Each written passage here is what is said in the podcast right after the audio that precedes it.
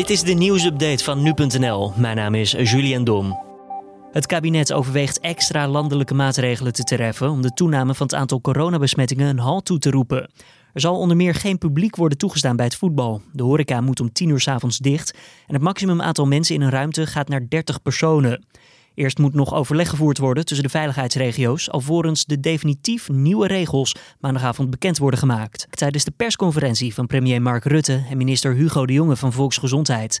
Morgenochtend meer over de maatregelen in de ochtendpodcast hier op nu.nl. Het aantal opgenomen coronapatiënten in de Nederlandse ziekenhuizen blijft hard stijgen. Als deze trend zich doorzet, zal dat aantal in het weekend tot boven de duizend stijgen. In dat geval moeten ziekenhuizen hun reguliere zorg afschalen en ook dreigt er mogelijk overbezetting op de intensive care. Wel beschikken ziekenhuizen nu over betere kennis over het coronavirus en patiënten, waardoor zij betere en gerichtere zorg kunnen geven. Jos B. heeft maandag verklaard hoe zijn DNA op Nicky Verstappen terecht is gekomen. Volgens B. was de 11-jarige jongen al dood toen hij hem vond. Hij zou vervolgens de kleding van Nicky hebben gefatsoeneerd. De man was naar eigen zeggen te zenuwachtig om het verhaal zelf te vertellen in de rechtbank. En dus was vooraf een video opgenomen. B. werd meer dan twee jaar geleden opgepakt op verdenking van het misbruiken en doden van Nicky in 1998.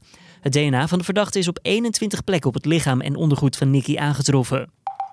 De rechtbank in Amsterdam heeft maandag celstraffen tot 10 jaar opgelegd voor de aanslag op het pand van de Telegraaf in 2018. De rechtbank noemt brandstichting een aanval op de persvrijheid. De hoogste straf van 10 jaar is voor Bilal El-H, terwijl 12 jaar tegen hem was geëist. Nabil D. kreeg een 4,5 jaar celstraf opgelegd. In zijn geval was om 9 jaar cel gevraagd. De AMBO heeft maandag de speciale telefoonlijn voor ouderen met vragen over het coronavirus heropend. De Landelijke Ouderenbond merkt dat de toename van het aantal coronabesmettingen tot nieuwe vragen leidt.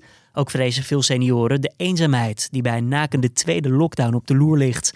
Tijdens de eerste lockdown werd deze lijn dagelijks vele honderden keren gebeld. In totaal ontvingen de vrijwilligers van de organisatie meer dan 7000 telefoontjes.